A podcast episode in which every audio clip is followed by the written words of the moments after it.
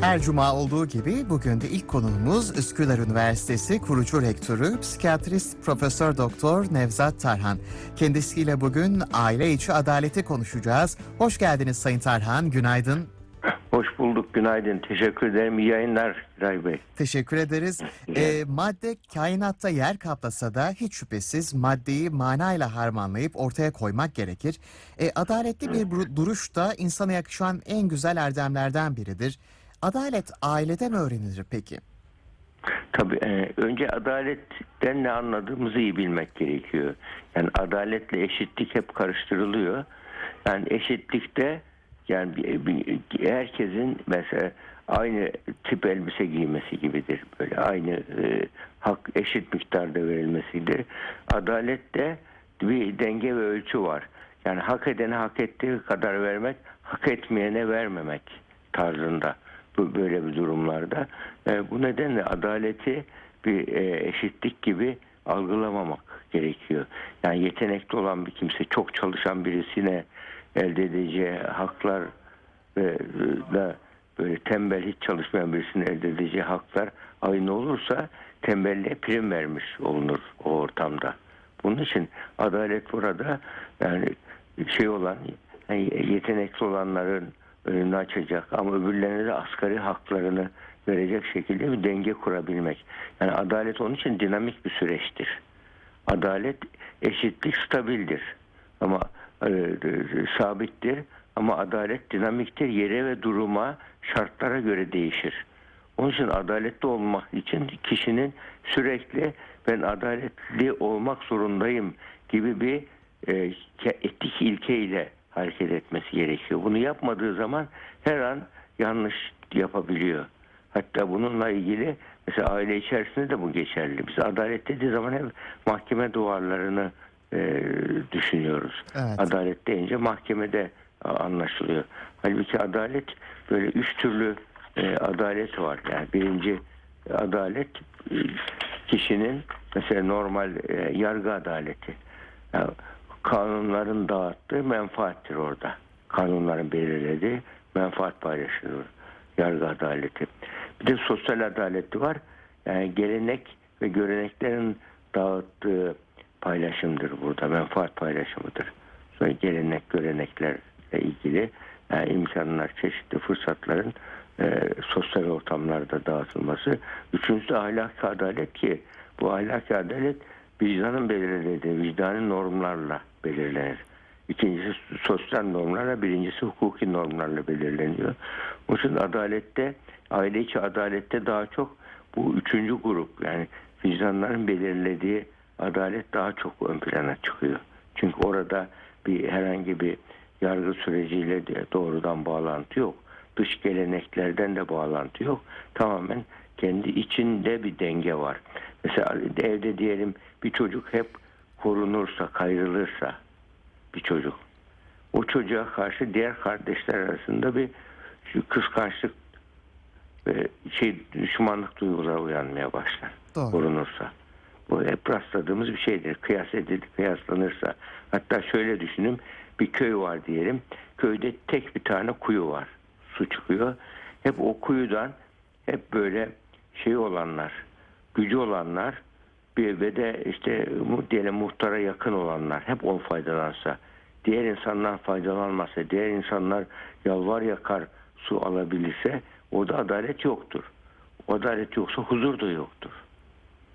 Başta bu basit köy. Aynı şekilde evde de öyle. Evet. Hep yani şahsi menfaati ailenin menfaatine önce tutan bir kimse ailede adaletsizliğin ilk e, şeyini yapmıştır. E, örneğini vermiştir burada. Yani o bu, buna ben hatta biz böyle bazı vakalar geliyor mesela. Ya annesine babasına anne baba demiyor çocuk. Anne baba demiyor. Bize getiriyor ki bu çocuk bize hiç anne demiyor. Baba demiyor diye getiriyorlar. Sonra bir araştırıyoruz ki çocuk büyütülürken hep böyle şey mesela bir, bir vakada öyle biliyorum. Ee, e, hep bir kardeş sakatmış. Herkes onunla ilgilenmiş sakat diye. Bu da hep şöyle düşünürmüş çocukluk döneminde. Benimle kimse ilgilenmiyor. Acaba ben üvey miyim diye. Kendini hep üvey zannetmiş. Çünkü öbürü hasta, rahatsız diye herkes onunla ilgileniyor. Bunu dışlanıyor. Ve onda e, çocukluk duygusal ihmal oluşmuş. Emosyonel ihmal diye geçiyor şeyde literatürde. Duygusal ihmal oluşuyor. Duygusal ihmal olunca böyle durumlarda şeye karşı, anneye karşı hem sevgi hem öfke gelişiyor. Ya da babaya karşı kim yapıyorsa. Bak hem sevgi hem öfke o onun mutsuz olmasına sebep oluyor. İşte e, uzman yardım almasına sebep, sebep olan bir durum. Yani babasına annesine karşı hem böyle öfke hissediyor ama aslında da seviyor onları. Huzursuz oluyor ve o suçluluk, pişmanlık duygular arasında gelgitler yaşıyor. Yani bu farkında olmadan yani ve annesine anne deme demeyen vakalarda araştırıyoruz. Tamamen duygusal ihmal var orada. O çocuğa ikinci sınıf insan muamelesi yapmış. Çocuk ben bu, bu, bu benim annem olamaz. O, ben DNA analizi isteyen gençlere rastladım ben. Ben ben bu aileden değilim büyük ihtimal diye gen, gen- DNA analizi ist- istiyordu. O Düşün, o derece şey oluyor. Yani dışlanmış gibi hissediyorlar. Bu o, hu- huzur kalmıyor tabii o evde. Huzur yoksa hatta buna literatürde nepotizm deniyor. Yani nepotizm menfaat için ayrımcılık yapmak. Bu yani daha çok sosyal ilişkilerde olur. Kayırmacılık, ayrımcılık, menfaatçilik bir menfaat olanların er dediğini yapar, menfaat olmayanları yok sayar. Menfaat odaklı maalesef kapitalist sistem yani nepotizmi besliyor, menfaatçiliği besliyor. E, bir de diğer var ki bizde çok yaygındır o favoritizm. Yani favoritizm kayırmacılık. Menfaat yoktur ama senin adamın benim adamın hemşerilik gibi böyle Evet. böyle bazı şey nedenlerle kayırmacılık yapılır. Bu da bir favoritizmdir. Yani böyle sevdiğini kayırmak tarzında. O da adaletsizliktir. Ve aile içerisinde çok oluyor. Mesela hatta bize e, literatürde de benim örnek gösterdiğim bir şey vardır. Bak Kur'an-ı Kerim'de geçen Hazreti Yusuf'un kıssası vardır. Orada babası Hazreti Yakup e, 13 çocuk var. O çocuklar içerisinde Hazreti Yusuf'u çok seviyor. Çok seviyor. Devamlı onu koruyor, onu kolluyor böyle. Bütün çocuklar da müthiş bir kıskançlık e, duyuyor. Kuyuya atıyorlar sonuçta onu. Biliyorsunuz. Da- daha sonra bunu bu olayı hep Yusuf'un imtihanı olarak e, göz önüne alınıyor. Bir de Ya- Yakup'un, Hazreti Yakup'un da imtihanı var orada. Sevgi adaleti sağlayamamış Evet. sevgi adaleti sağlayamadığı için orada şey oluşuyor. Yani bir çocuğu fazla koruyor, diğerleri şey yapamıyor onu. Yani o olgunlukta değiller. Yani onları o kardeşlerini yok etme gibi bir şeye karar veriyorlar. Ee, mesela Bünyamin hariç diğer şeyler öyle o şekilde bir e, kuyu atıyorlar.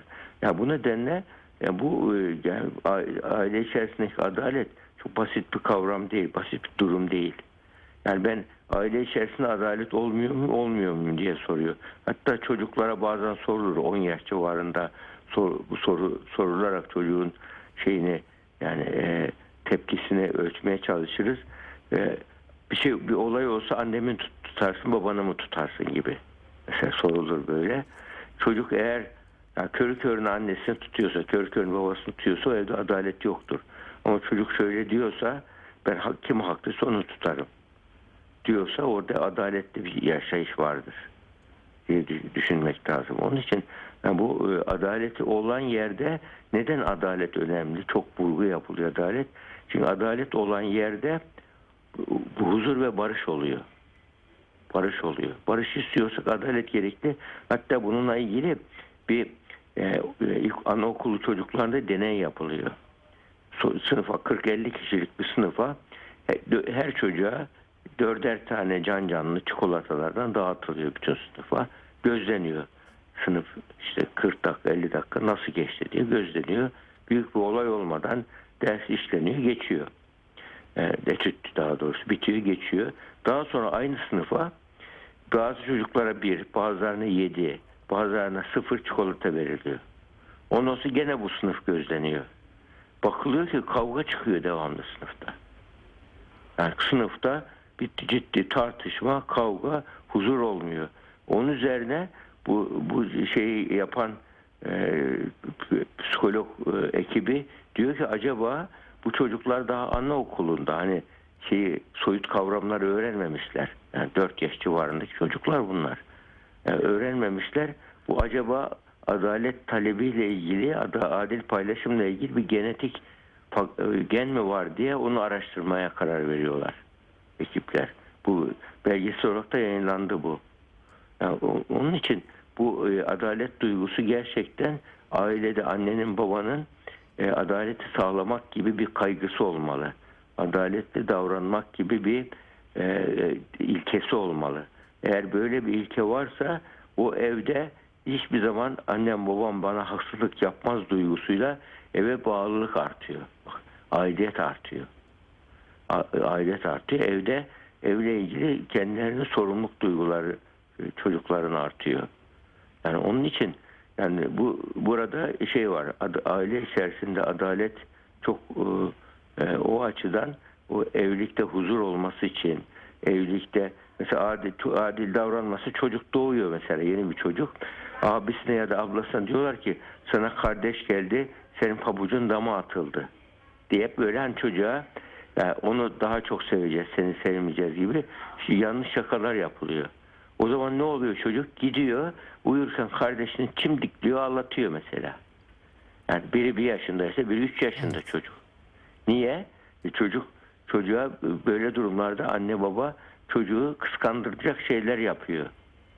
E Bu, bu aile içerisinde adalet olmadığı, adaletin bir ilkesel olarak e, dikkat edilmediği için kardeşler arasında ka- kardeş rekabetini hani biraz olur kardeş rekabeti kayıkçı rekabeti gibidir. Kayıkçı kavgası gibi. Bugün bir saat önce olur bir saat sonra barışır oynarlar.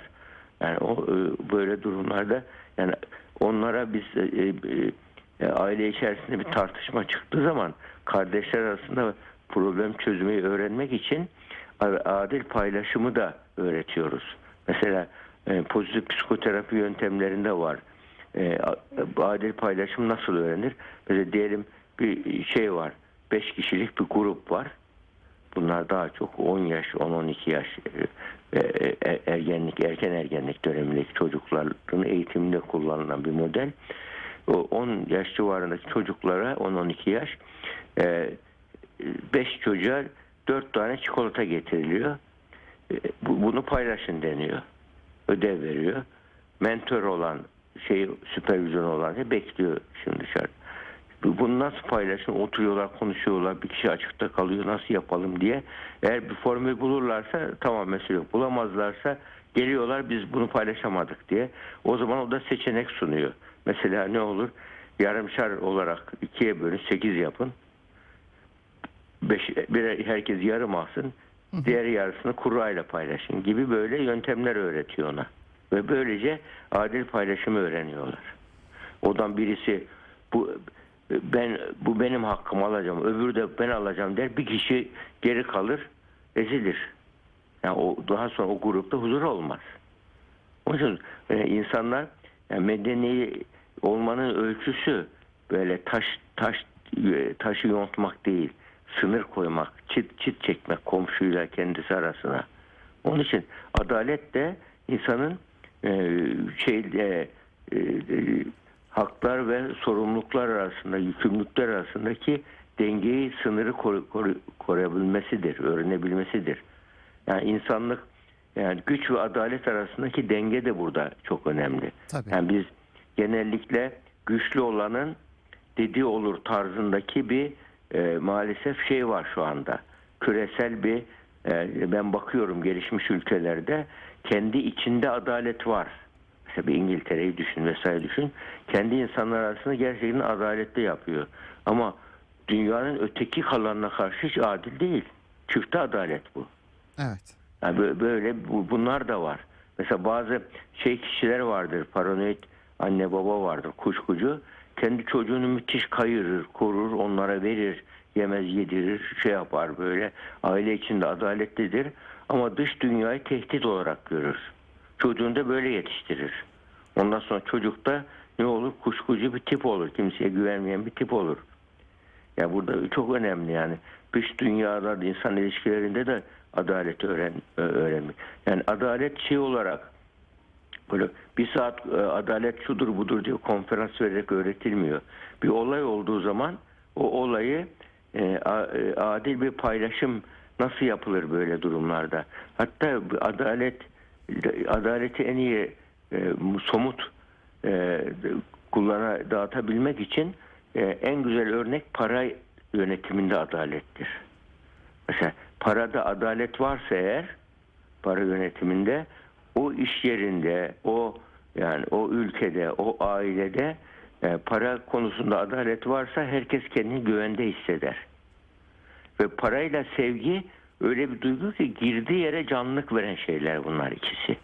Paranın girdiği yerde ekonomik canlılık olur, sevdiğin yer, girdiği yerde de psikolojik canlılık olur. Ve bunu da adil bir şekilde yönettiğin zaman insanlarda ondan sonra güven oluşur. Güven olduğu yerde de bağlanma oluşur. Bağlanma oluşun yerde de huzur olur insan. Ama eğer şey yoksa adil paylaşımın olmadığı bir ortamda düşünüyorsa orada insanlarda huzur olmuyor. Ben düşünüyorum insanlar niye batıda gö- göç ediyorlar bir şey. İşte Afganistan'dan, Afrika'dan hep e, Avrupa'ya göç ediyorlar. Emin ol göçün sebebi açlık, kıtlık değil. Asıl sebebi yaşanandığı ülkelerdeki adaletsizlik. Hukukun üstünlüğünün olmaması. Güçlülerin hukukun üstü değil, güçlülerin üstünlüğünün olması. İnsanlar kendilerini güvende hissetmiyor. Yetenekli insanları bütün dünya böyle topluyorlar. Şu anda Amerika, Avrupa şeylerde. Oradaki o oluşturduğu kendi içlerinde mesela oradan gelen şey, çalışanlardan, işçilerden şeyi görüyoruz. Emin ol e, yani e, kendi içerisinde doğup büyüyen kişilere yani şeye kadar bütün hakları veriliyor sonuna kadar. Sen şusun busun diye ayrımcılık yap, yapmıyorlar. Bunu başarıyor şu andaki gelişmiş ülkelerdeki huzurun güvenin olmasının sebebi o adaletin yüceltilmesi. Mesela İngiltere'de şeyi düşün o e, hakimlerin kafasında ondülünlü bir şey var biliyorsunuz. Yani bir, hepsinde şapka değil de böyle tak peruk gibi bir şey takarlar. Ben merak ettim bu nedir diye. Bu aslında biz eşitiz. Yani herkesin karşısında eşitiz. Demek içinmiş o. Böyle durumlarda. Yani biz kimliğin belki gerçek kimliğimiz yok. Adil kimliğimizle buradayız diye. Yani bizim adaleti bizim İngiltere'den öğrenmemiz çok bu insana do- kanına dokunuyor ama yapmışlar bunu. Mesela cübbe vardır. Bizim üniversitede de kullandığımız cübbe. Bu cübbenin cepsizdir o cübbe cepsiz olmasının sebebi ben bu şeyde e, bu işi yapar gibi önde de düğmesizdir cübbeler. Cepsiz ve düğmesinin olmasının sebebi ben güçlüler karşısında kimsenin karşısında e, e, doğru neyse onu yapacağım. E, düğme iliklemem. Yani ona karşında eğilmem. Ve menfaat içinde para, para içinde hareket etmem demektir bu. Bu adaletin temel ilkeleri. Yani bunları yani aile içerisinde de bu geçerli. Yani bir çocuk düşünecek ki babam haksızlık yapmaz. Bu duyguyu veriyoruz. Annem haksızlık yapmaz. Bu algıyı oluşturduysanız korkmayın. Bu çocuk evi sever. Evde huzur ve olur, barış olur. Ama baba, babam filanca kardeşimi çok kayırıyor. Dersi çocuk içinde biriktirir, biriktirir bir yerden patlar. Diğer çocuklar. Anne, şey içinde anne. Hatta ben hiç unutmam. Bir genç e, şey vardı. Genç bir kız e, vardı. O kardeşi de lisede okuyordu. Kendisi İTÜ'de öğrenciydi. Dedi ki bir gün annem kar- kar- erkek kardeşim benden daha çok seviyor dedi. Ya ben annen eğitimci. Aile bilinçli bir aile. Yani danışmanlık alıyorlar. Daha iyi çocuklarımız daha iyi yetiştiririz diye. Ben e, neye dayanarak böyle söylüyorsun dediğim zaman bana şunu söyledi. Ya dedi annem dedi erkek kardeşime bakarken gözünün içi akıyor dedi. Yani düşün bak yani onu fazla seviyor ister istemez. E bunu da engel olmak zor. Ama öyle düşünüyor ama böyle durumlarda işte anne bunun farkına varıp yani ona bir şey aldığı zaman diğerine de alması. Yani o o algıyı düzeltmesi gerekir. Daha çok sevebilir. Sevmek ayrı, adil davranmak ayrı. Sevdiğine çok ver, sev, az sevdiğine az ver gibi yapan bu adil değil. Bu, bunun için yani adalet gerçekten öğrenilmesi gereken bir şey değerdir. adalet sadece değer değil aynı zamanda yöntemdir. Yöntemdir. Yani biz e, evde yemek, paylaşımından tutun da şeye kadar hep böyle adil paylaşım yapabiliyorsak bu öğreniliyor. Bu doğuştan gelmiyor. Hayvanlarda yemek, içmek, barınmak genetik olarak sınırlar bellidir.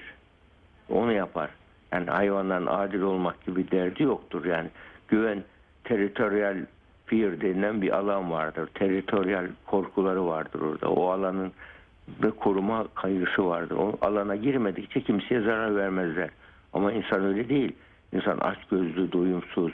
Mesela çocuğuna 2-3 kişilik sevgi veriyor. Çocuk sevgi doyumsuz oluyor.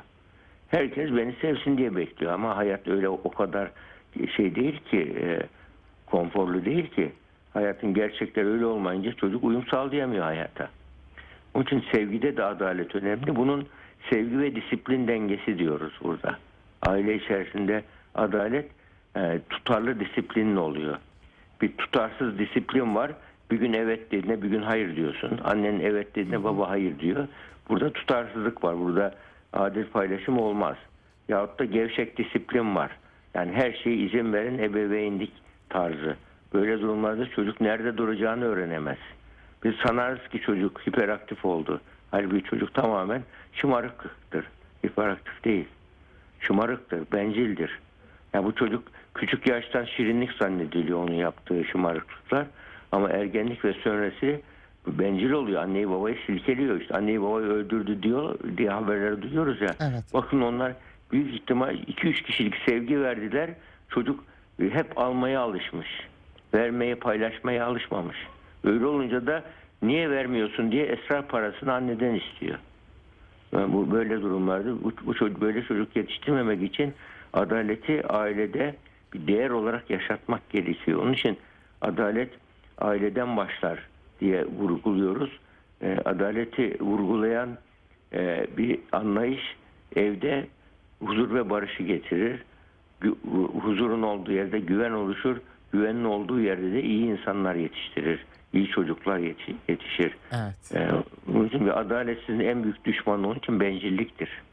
Bencil kişi hep kendi çıkarına odaklı, çıkarcı, menfaatçi düşündüğü için en büyük organ o egosu olan insanlara dikkat etmek lazım. Onlar adalet yapamıyorlar. yapamıyorlar. Ailede başlayan bu adalet duygusu tabii topluma da ancak aileden en küçük yapı taşından e, yayılır. Oldukça önemliydi bugünkü Yani vurgumuz. okullarımızda öğretilmesi lazım bunun. Kesinlikle. Fizik kimyadan daha önemsiz değil bu. Onun için öğretilmezse eğer ondan sonra da biz çocuklarımızdan ne bekleyeceğiz ki? Bu daha önce toplum öğretiyordu, aile öğretiyordu. Artık öğretemiyor onlar. Çocuğa sosyal medya da öğretemiyor artık.